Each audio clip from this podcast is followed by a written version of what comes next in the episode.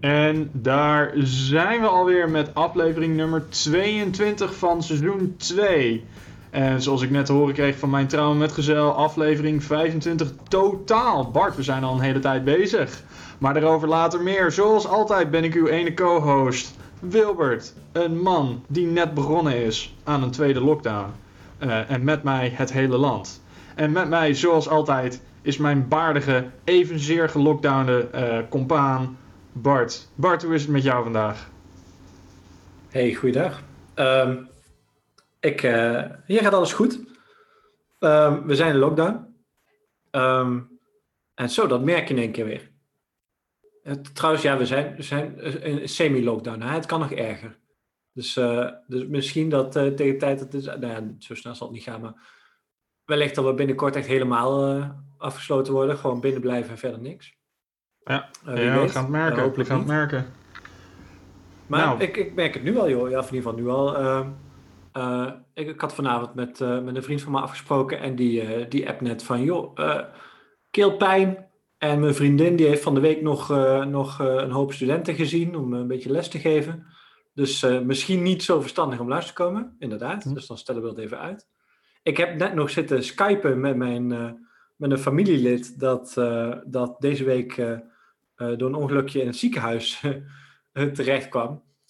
Um, gelukkig niet uh, corona gerelateerd. Maar dat is in één keer weer met z'n allen maskers op en een één uurtje erbij, twee personen en dat is het. Um, ja, heftig. De controle is strikt. Nou, we waren, we waren net even in de, in de stad voor nog net even wat laatste dingen kopen. En je merkt het inderdaad wel. Alle winkels weer, uh, weer strikte controle bij de ingang. En uh, overal mondkapjes. En ook weer de ene asociale die het dan weer niet doet. Het blijft wat. Maar gelukkig zijn wij er nog om het, om het volk gerust te stellen. En om onszelf natuurlijk gerust te stellen met de consumptie van overheerlijk gesponsord bier. Dus Bert, wat ga jij vandaag schuldig maken? Ja, ik ehm, uh, ik was me er dus zeer bewust van dat dit onze 25e opname is. In zekere zin, laten we zeggen, de, de 25e die, uh, die we de wereld in slingeren. Mm um, inclusief seizoen 1. Dus ik dacht, ik moet wel weer een stout hebben. Maar mm ik wil ook niet te hard van stapel gaan. Dus ik heb een, uh, een milk stout van 5,5%. De Dark Necessities van de Badco Brewing and Distilling Company. Mm een Britse, Yorkshire geloof ik. Nou ben ik nooit zo onder de indruk geweest van uh, Brits bier, behalve de ales die ze, die ze daar maken. Dus ik, uh, ik ben benieuwd wat dit wordt. Eh, okay. Uh, milkstout is toch vaak lekker. Zo weinig alcohol. Gaan het zien. Goed. En jij dan? Nou Bart, ik heb van, uh, van onze semi-officiële sponsor Beerwolf uh, vandaag weer een nieuw pakket binnengekregen. Het, uh, het zou gisteren hadden moeten binnenkomen, maar goed hè, DHL. Mm. Dus, uh, dus hij kwam vandaag. Dus uh, wij, wij, nemen ook op op een zaterdag. Uh, in plaats van op een vrijdag, zoals we dat normaal doen. En ik heb het Smash pakket binnen, Bart. Smash natuurlijk staat voor Single Malt, Single Hop. Dus een serie van zes bieren. gebrouwen met nou, Single Malt, Single Hop. En ik begin vandaag met een, met een IPA van Dutch Bargain. Met de fantastische titel As Bitter as Ariana Grande's Exes. Oké. Ik ben daar niet zo mee bekend. dus dat, uh, uh, ik zal mijn vriendin dus even vragen of dat een ding is. Ja, ja, ja. ja mijn, uh, mijn levensgezel zit ook wat meer in de pop dan ik. dus ik heb, het, ik heb het nog een beetje meegekregen. Het is een standaard popdingetje. Hopelijk is het bier beter dan de muziek. Bart, proost. Oké, ik hoop het ook. Proost. Oh, oh. Oh, is lekker melkig. Hm. Hier is hij vooral schuimig. Het is echt, uh, ik moest even ingrijpen. Het ging bijna fout. Nou, zo bitter zijn die exen niet, uh, geloof ik. maar helemaal niet erg. Nou, hij smaakt het toch wel mee. Hij smaakt best lekker. Hij is lekker troebel. Mooi. Mooi. Zo. Hey, um, hoe, uh, hoe hou jij je zo'n uh, zo'n lockdown nou een beetje vol? Nou, ik moet je eerlijk bekennen, het, het, het zijn vooral een paar basale pijnpuntjes. Ik, toen die werd aangekondigd, ben ik de dag erop nog snel even naar de kapper gegaan. Hm. Uh, voordat het, uh, voordat lekker, lekker druk was. Uh, verder, ik heb normaal dat ik één keer per maand met een paar kennissen van mij afspreek om naar de geliefde Maltvalt te gaan hier in Utrecht voor goede whisky. Hm. Eh, ja, dat hebben we helaas moeten afblazen. En verder, verder valt wel mee, weet je. Ik werk dit hele jaar al vanuit huis. Gedeeltelijk ook een beetje vanuit, van, vanwege het internationale karakter van mijn werk. Dus voor mij persoonlijk verandert niet zo heel veel, los van dat ik niet meer naar restaurants kan en naar bars. Maar qua werk heeft het totaal geen impact op me. Ja. Nou ja, werk is één ding. Wat ik zelf, eh, als ik een beetje handig hier met mijn camera beweeg, ik, eh, ik heb hem toch maar weer aangeschaft. De home trainer. De home trainer. Ik, eh, ja, weet je, kijk, wat ik de vorige keer heel erg merkte is dat de behoefte aan sport nog wel toeneemt. Mhm. Ehm, en in mijn vorige huis eh, stond, eh, zoals we hadden een soort van fitness en, eh, en, en sportkelder. Dus daar stond van alles. Ehm, dat hebben we nu niet, dus dat moet ik weer een beetje opbouwen. Mhm. En naast het hardlopen, wat hier in de buurt toch wel weer. Ik heb wat routes gevonden, maar ik mis Nijmegen wat dat betreft nog het hardst als ik Mhm. ga hardlopen. Ehm, wil ik gewoon ook iets hebben als het gewoon regent. En eh, ik kom de werkdag het makkelijkst door als ik tussen de middag gewoon eventjes heel hard eh, ga sporten. Eh, gewoon even mijn hoofd ergens anders op. En, en dit werkt heel goed. Ehm, ja, dus dat. Ja, wij, wij zijn Hey, ook ehm, al een tijdje mee, dus wij hebben ook zo'n fiets thuis staan. Ik heb natuurlijk, eh, ehm, wat was het? dat Nintendo-spel, hoe heet het ook? Ring Fit Adventure. Ja, Ring Fit Adventure, ja. super leuk Oh ja. man. Ben je daar nog mee bezig? Hm. Zeer zeker, leuke manier om bezig te blijven. Hey, wat deze, deze tweede lockdown eh, wel echt ehm, anders is dan de vorige keer, is dat ehm, eh, de twijfels eh, onder het volk wat zijn toegenomen. Laat ik het zo maar even, maar even Mhm. zeggen. De vorige keer was er nog erg veel ontzag voor het eh, RIVM. Eh, voor de experts eh, uit, eh, uit het medische en het, eh, het eh, epidemie- epidemiologische veld. Mhm. Eh, en nu is dat wat afgenomen. Ehm, en dat is denk ik wel interessant. eh eh, naar aanleiding van een, eh, discussie die we eerder hadden over eh, eh, de vraag van in welke mate is het nou, nou, nou zouden we nou eh, eh, door een technocratie kunnen worden rege- geregeerd? Eh, en waar zitten daar de grootste, grootste pijnpunten? Mhm. Mhm. Mhm. Dus dat leek me leuk om even te bespreken vandaag. Ja, zeker. Zeker een leuk onderwerp. Mm. En misschien, misschien goed dan ehm, om, als we dit toch induiken, voor de luisteraars ook, ook even neer te leggen van wat is dan een technocratie precies? En hoe verschilt dat van een democratie of een autocratie? Een democratie, hè, de, Griekse, Griekse origine van het woord, hè, is regering door het volk. Autocratie is regering door een centrale autoriteit, door één persoon. En een technocratie is regering door ja, de, de meest, ja, wat, wat, wat is het woord, ervaren, begaafde, best opgeleide mensen.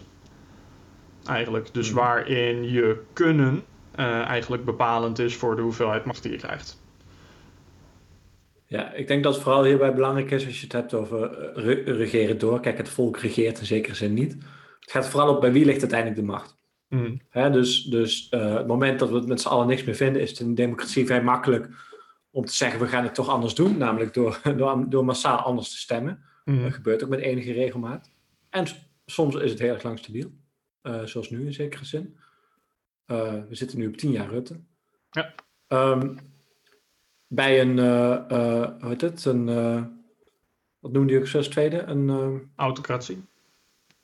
autocratie, ja. Is het, is het een, een vaak door het leger gesteunde eh, eh, macht die eh, gewoon dicteert welke kant je op gaat en waar je niet zoveel tegen kan doen. Ja. Hoewel ik wel. En dat is wel interessant aan een Ik, ik kwam laatst een heel leuk artikel tegen in, bij een, van de correspondent. Waarin, waarin eigenlijk opgeroepen werd om op te houden met over Amerika te berichten alsof het een democratie is. Eh, en dan maakt ze, Hm. maakt ze eigenlijk het argument dat het vooral een autocratie en een kleptocratie is. Eh, maar goed, dat is misschien een, eh, een ander onderwerp om eens beter te pakken. Uh, maar dat, nou, um, je, je, je, je, kan, je kan in wezen een functionerende autocratie zijn zonder dat je door het leger in die positie gewipt wordt. Maar je hebt inderdaad wel de continu, continu steun van het leger daarin uh, als opperbevelhebber van het land. Ja, en, en wederom de vraag, hè, en die wordt binnenkort in de VS uh, uh, nogal duidelijk beantwoord. Wat gebeurt er op het moment dat het volk door middel van al dan niet democratische processen iets anders aanwijst dan de huidige machtgever. Wat gebeurt er op dat moment? Nou ja, wordt daar veel we, gespeculeerd. Dat zien we in Belarus. zien we binnenkort. Dus daar, dus daar, kunnen we het dan, dan mooi over gaan hebben, hoe dat proces een beetje, een beetje gaat. Maar, maar dat is een beetje de vraag die ik me afvraag bij technocratie. Wie bepaalt wie de technocraat is? Wie mm zet hem dan neer? Ik weet het niet zo goed. In zekere zin um, zijn we best ver uh, richting technocratie heb ik vaak het idee. Um, tegelijkertijd, ik denk dat als je kijkt naar, ik zat van de week, uh, was er een stuk op uh, Follow the Money over de, de financiële achterban van Forum voor Democratie. Hè? De, de, de mensen en, en organisaties die hen steunen. Mm -hmm. En wat je daar vaak ziet, en dat, dat heb je ook gezien bij, bij de opkomst van Pim Fortuyn, niet echt bij Wilders, maar wel vaker van die een beetje um, rechtsige clubjes die zich meer richten op um, het economisch harde rechts. Um, dat daar allemaal ondernemersclubs naar voren komen die stellen van nou, we worden toch maar geregeerd door een, een hoop mensen die uh, eigenlijk nergens verstand van hebben. Laat ons het nou maar eens doen. Wij weten tenminste hoe je dit moet doen. Mm -hmm. En daar, in die clubs hoor je, of uh, in die richting, daar hoor je ook uh, vaakst een soort van oproep voor, voor een uh, technocratische regering. Mm. En uiteraard, wie zijn dan die mensen? Zij zelf. Um, en dat is een beetje het probleem met een technocratie. Um, het idee dat er een groep mensen is die um, die een voor, vooropgezet doel het best kunnen uitvoeren zonder daar zelf een agenda aan toe te voegen, dat, dat, is, dat is heel erg ingewikkeld. Mm In zekere zin is dat, je, is dat wat je hoopt bij een democratie en bij parlementaire democratie, hè, dat je op een gegeven moment een regering krijgt van mensen die capabel zijn om uh, beslissingen te nemen.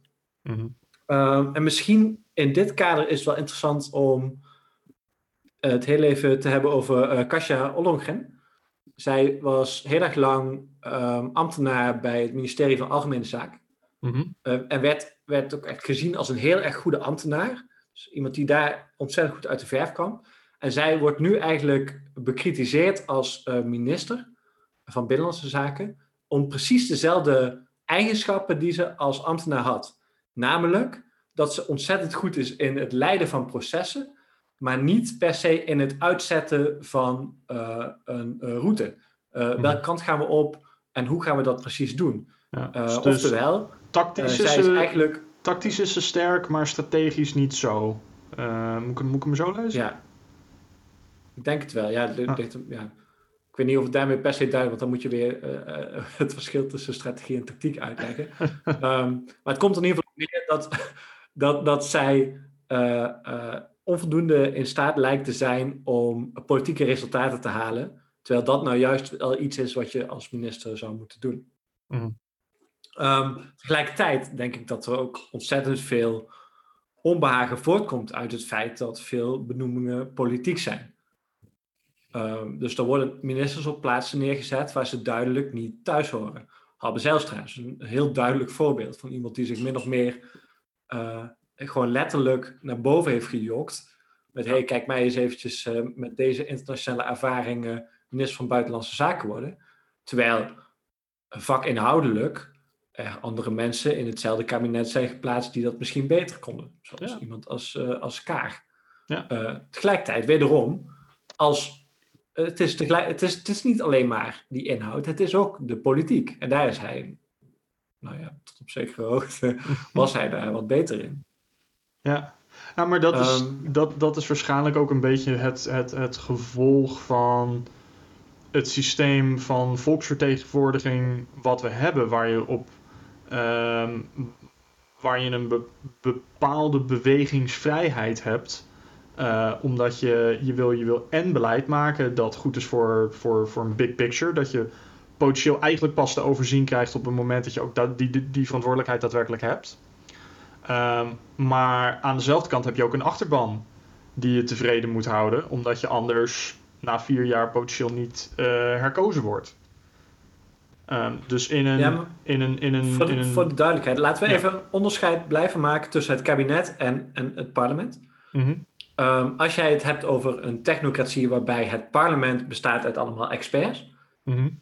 um, dan, dan, dan hebben we het over iets anders dan wanneer je het hebt over een kabinet dat bestaat uit mensen die een bepaalde expertise hebben. Het kabinet is uitvoerend uh, mm -hmm. en uh, het parlement is controlerend. Um, het lijkt mij ontzettend ingewikkeld als het parlement uit, uit allemaal experts bestaat. In de zin dat wat zij moeten doen per persoon, per partij, is een vrij uitgebreid uh, pakket aan beleid controleren. Uh, waarbij het belangrijk is dat zij experts weten te vinden en naar hen weten te luisteren om hun politieke punten beleidsinhoudelijk te kunnen begrijpen en aan te passen en dat allemaal te doen. Terwijl een, een minister um, ja, heeft ook wel een breed palet en is wat dat betreft ook wel, wel ingewikkeld wat een, wat een iemand met, met, met, met per se daar is echt ja, hele specialistische kennis, of dat nou echt iets toevoegt, ik denk het eigenlijk niet. Dat is niet wat dat werk is. Um, hoe dan ook, in ieder geval, die moet beleid maken en moet, moet, dat, moet dat uitvoeren. Dat is toch wel echt een, een weer een andere, andere tak van sport. Uh, en die tweede heeft ook in ieder geval in theorie veel minder te maken met die achterban. Mm-hmm. Hè, je krijgt een opdracht als minister, die voer je uit. Um, en die opdracht is weliswaar politiek. En dat bedoelde ik juist met, met, met, met. Die is dus niet in staat om die politieke opdracht uh, binnen te halen. Terwijl het voor haar partij D66 best belangrijk is. Um, terwijl dat, dat kabinet of dat, dat parlement zou haar daarop moeten kunnen controleren. Um, dat is ook wel ingewikkeld voor bijvoorbeeld een D66-Kamerlid. Hè? Stel je voor dat je voor D66 huisvesting uh, uh, bijhoudt. En dat, dat zit bij haar. En je bent nogal kritisch op het beleid van nu. Je wilt dat dat beter gaat. Maar ja, het is wel je eigen minister die dat doet. Hoe ga je daarmee om? Ja. Um, ja, maar dat, dat, dat is het een beetje. Hè? Voegt, dat, um, voegt dat niet een hoop eigenlijk zinloze afleiding toe aan een best wel belangrijke taak?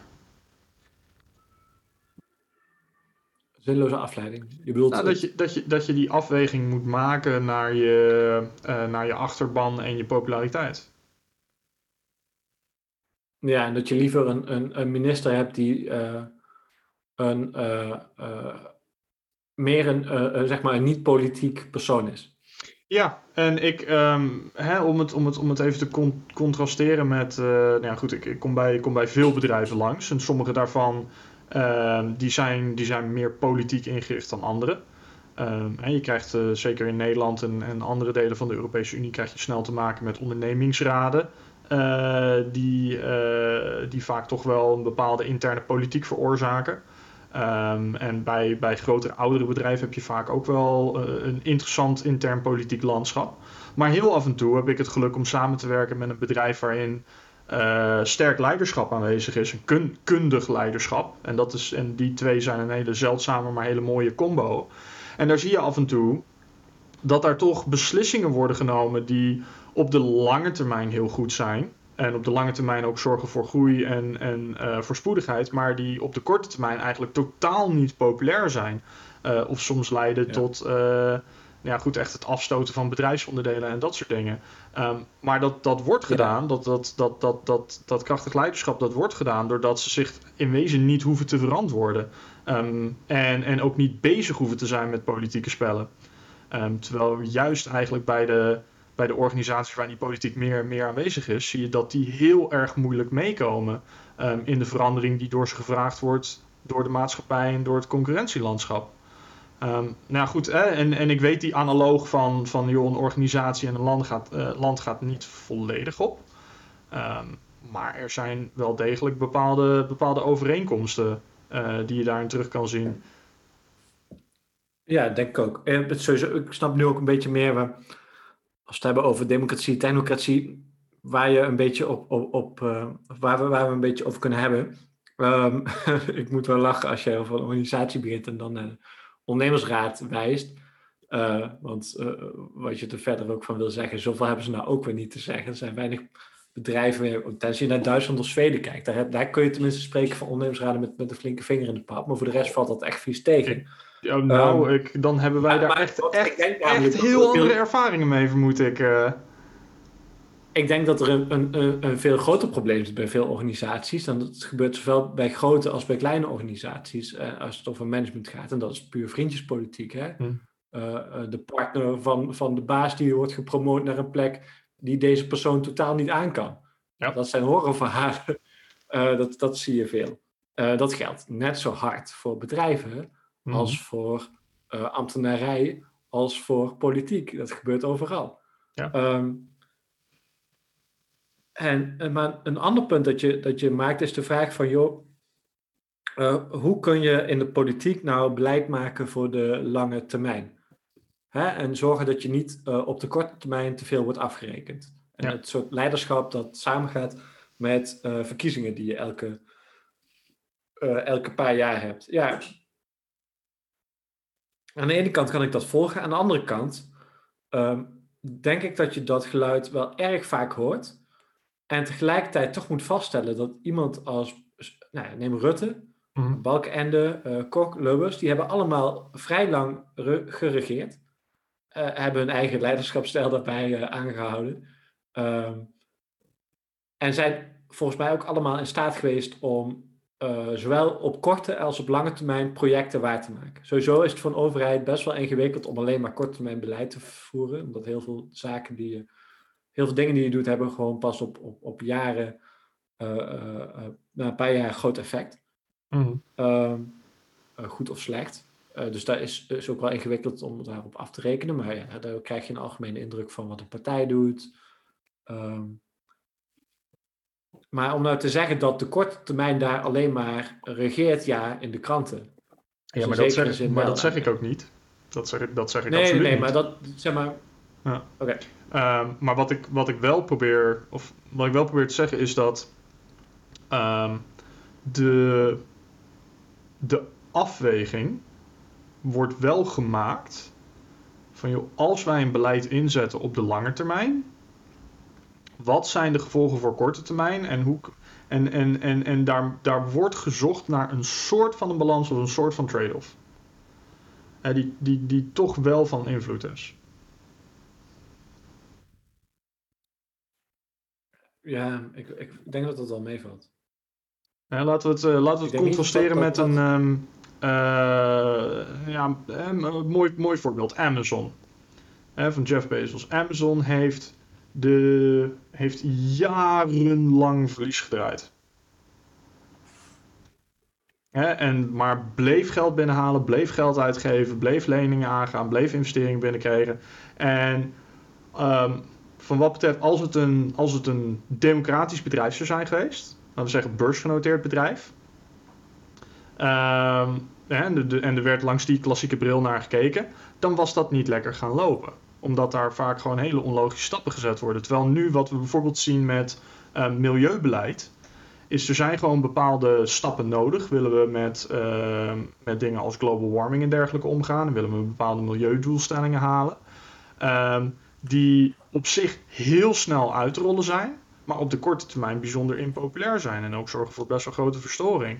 Hè, dus dat, dat daar een balans in gezocht moet worden eigenlijk vanwege een politieke realiteit waar mensen kunnen leven, is, is, wellicht wel een argument om te zeggen van, nou ja, weet je, maar als je die, als je die populariteitswedstrijd eruit zou halen, zou er misschien veel daadkrachtiger opgetreden kunnen worden op dat soort gebieden. Um, ja, twee dingen. Die, uh, ik vind het wel interessant dat je een democratie vergelijkt met een beursgenoteerd bedrijf. Uh, Omdat ja. Ik denk dat een beursgenoteerd bedrijf veel minder kan bewegen dan een, een democratie. Um, ja, een tweede punt is een stem. Als het gaat over. Sorry? Een aandeel is een stem. Ja, maar dat aandeel mag maar één, heeft maar één belang. Terwijl een democratie kan allerlei belangen vertegenwoordigen. Uh, zeg, mijn aandeel is heel simpel. maak het aandeel meer waard. Dat is eigenlijk altijd wat er gebeurt. Mm, ja, is het zo? De natuur van de beurs. Nou, dat is misschien een andere aflevering om daar een beetje, om daar een beetje op in te gaan. Ik geef je voor een overgroot deel gelijk. Ik, denk, ik denk niet dat dat, dat, dat, een, dat dat een unaniem geldende regel is. Nee, dat, dat klopt. Uh, maar ik denk dat dat wel, wel of een groot deel is. Ik denk dat dat bij een democratie heel anders is. Mm -hmm. uh, het idee van, van zorg dat ik meer geld krijg is niet het leidende uh, principe waarmee mensen meestal stemmen. Behalve voor de VVD'ers. maar ja, precies. Of misschien voor de, de, de, de jongeren en GroenLinks die uh, 10.000 euro per jaar. Dat is natuurlijk ook wel een mooi voorstel wat dat betreft. Um, goh, dan ben ik het uh, tweede punt kwijt wat ik, uh, wat ik wilde maken. Uh, wat, wat zei je zo, zojuist ook alweer? Hm. Dat, um, dat dingen als milieubeleid, om bepaalde ja, milieudoelstellingen te halen. dat- ja, ja, maar kijk, dat vind ik dan wel weer interessant. Hè? Dus het idee dat. Ja, volgens mij hoef ik maar tien jaar terug te gaan. Stel je voor dat, dat je naar Balkenende kijkt of zo, hè? als het over milieubeleid gaat. Ehm, was het nou echt zo als die man een beetje vrij spel had gekregen dat hij vol in had gezet op milieu? No way. Bedoel, ja, dat was, Was- die, die urgentie was er totaal niet. Nee, Er, was, er waren een paar partijen waren, waren bezig. Ja, maar, Nee, maar, maar Balkenende... het is Balkenende nee, maar, geweest. nee, maar het is... Nee, nee, nee. Dit, dit, dit, is- dit is ook weer een typisch, typisch voorbeeldje van, van... Het was ook geen technocratie. Balkenende was helemaal niet uitgerust om dat soort beslissingen te nemen over dat, over dat specifieke aandachtsgebied. Daar had je een klimatoloog moeten zeggen. Die zei dat het jaren en jaren terug al. Weet je, Balken, Balkenende dus heeft... Wat, wat heeft hij gedaan? Geschiedenis, geloof ik. Ja, kansloze opleiding. Die, heeft, die is helemaal nergens geschikt voor. Rutte trouwens ook. Ja, precies. Ehm, Zelfde ik weet punt. welke en ook geschiedenis deed. Ehm, maar het, het punt is een beetje, wat ik wilde maken, is van eh, het idee dat eh, een technocratie, Hm. dat degene die, die bepaalt wat de prioriteiten zijn, want er zijn altijd prioriteiten, er is altijd schaarste. Mhm. Degene die bepaalt wat nou eh eh, leiden moet gebeuren, dat dat apolitiek zou kunnen worden genomen. En dat, dat als we in ieder geval veronderstellen dat het politiek is, dat er dan een goede uitkomst uitkomt. Ja, zeker op milieu zie je dat. Het is juist de democratie geweest die eh, qua eh milieueisen eh, steeds meer voor elkaar heeft gekregen. Dus ik, ik, ik ben een beetje bang dat een technocratie precies. Nou ja, in ieder geval. Nee, maar het, het, argument Ik, is ik ook, ben een beetje bang. Het argument is ook helemaal niet van... had je de garantie gehad bij een meer technocratisch ingerichte regering... dat daar, dat daar beter beleid op was gevoerd? Nou, garanties heb je gewoon niet. Was de kans hoger geweest dat er beter klimaatbeleid was gevoerd... ehm, als er een aantal klimatologen eh, in het, eh, aan het stuur hadden gestaan? Ehm, voor wat betreft dat dus aandachtsgebied... Ja, Ja. De, de kans was, durf ik te zeggen, hoger geweest. Garanties kan je nog steeds niet geven. nee, maar de, de kans dat die klimatologen daar iets over te zeggen hadden gekregen, dat, dat, daar ben ik wel een beetje. Ja, maar dat, dat is wederom dat, je- had dat is het nog technocratische argument. Als je beleid gaat voeren op klimaat, laat je dat beleid creëren door de mensen die het meest geschikt zijn om klimaatbeleid in te richten. Het zijn waarschijnlijk mensen met achtergrondopleiding en ervaring op het gebied van klimaatwetenschappen. Dat is het technocratische argument. die, die maar wie zijn dan ten eerste degene die bepalen wie dan op welk terrein eh, eh, het beleid mogen maken? Wie Mhm. bepaalt wie de experts zijn? En twee, wie verdeelt de middelen onder de experts? Want dan kan je vertellen, als je experts aan, eh, vraagt van wat moet er allemaal gebeuren, wordt het heel snel heel duur. Ja. En zal er alsnog een afweging moeten worden gemaakt. Dit is belangrijker dan dat. Klopt. Maar dan heb je Dus wel die twee problemen, mensen. ik- maar dan- kom je daar niet onderuit. Nee, maar dan heb je wel een aantal mensen die, die waarschijnlijk wat meer vakbekwaam zijn om dat soort afwegingen te maken. En, en voor wat betreft wie stelt die experts aan, ja goed, hoe, hoe wordt iemand professor aan een universiteit? Weet je, je gaat, je gaat door je bachelor, je master, je PhD, je assistentprofessorschap, je professorschap en je krijgt een tenure. Zit daar een politiek proces aan verbonden? Absoluut. Des, desalniettemin lukt het ons om over het algemeen best wel hele kundige mensen eh, professorschap te geven. Ja, maar ook die professors verschillen onderling nogal veel van mening. Tuurlijk, maar die ehm, zijn, die zijn veel meer bekwaam om een meningsverschil te hebben dan jij en ik over hun terrein. En toch in een democratische context kunnen onze stemmen even belangrijk zijn als die van hun. Ja, maar tegelijkertijd is het hun stem als professor die, als zij een beetje hun best doen, uh, in, uh, ingang vindt in een politiek proces. Mhm. En dan alsnog als expert daar wordt gehoord. Hè? Dat, is, dat is volgens mij wat er nu ook al heel erg goed gaat. Nogmaals, ik, ik denk echt dat het probleem zit in de, nou, de, de, problemen die ik al heb aangeduid. Hè? Van, van joh, wie bepaalt wie de experts zijn, wie bepaalt waar de middelen naartoe gaan. En dat proces is inherent politiek.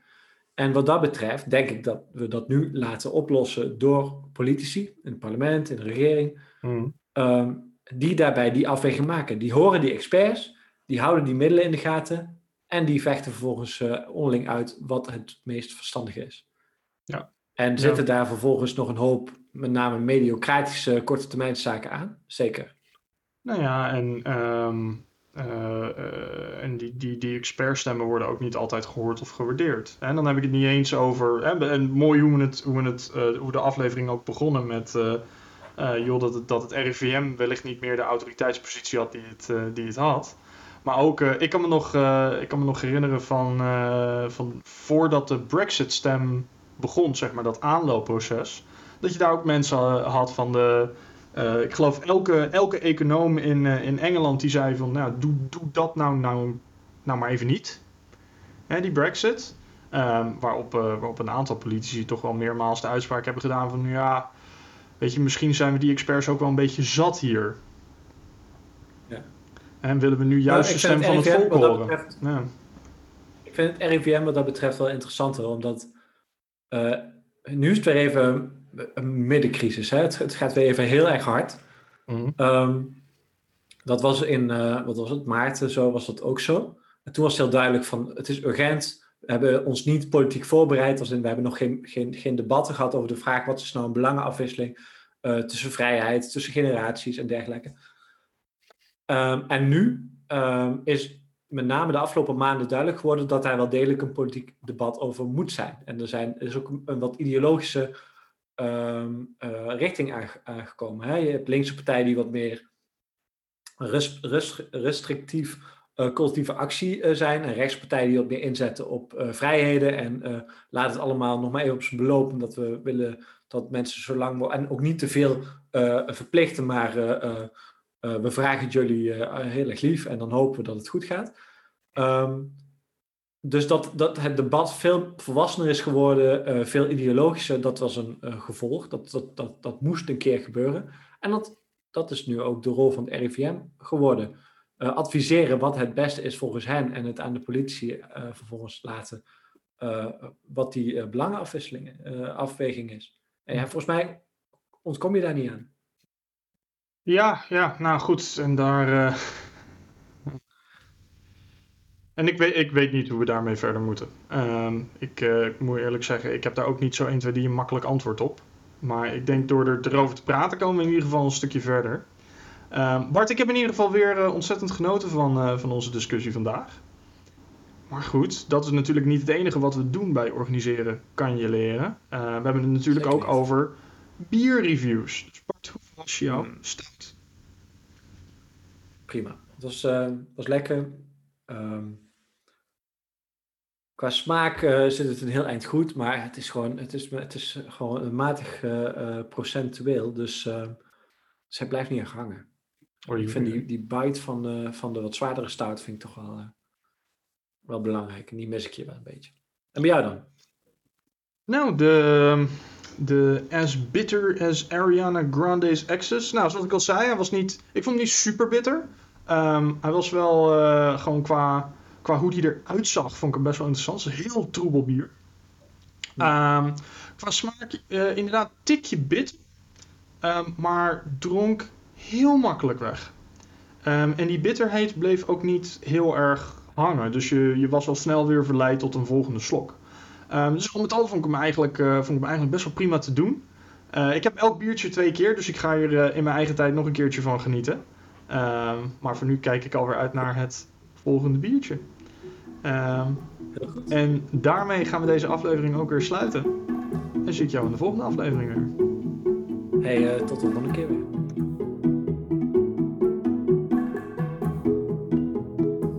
Dank jullie wel voor het luisteren van deze aflevering van Organiseren kan je leren.